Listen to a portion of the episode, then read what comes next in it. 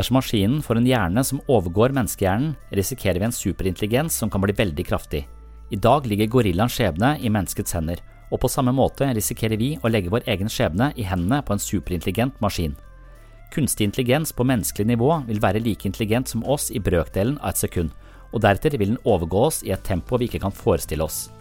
En maskin har nemlig den fordelen at den tenker mange tusen ganger raskere enn oss. Det vi klarer å lese, forstå og regne ut i løpet av et helt liv, klarer den på under en time.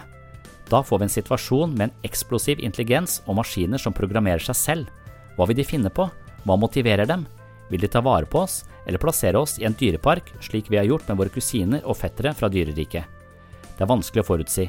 Når intelligensen er en størrelse som øker eksponentielt pga. maskiners enorme prosesseringskraft, kan vi raskt ende opp med noe som ligner en gud.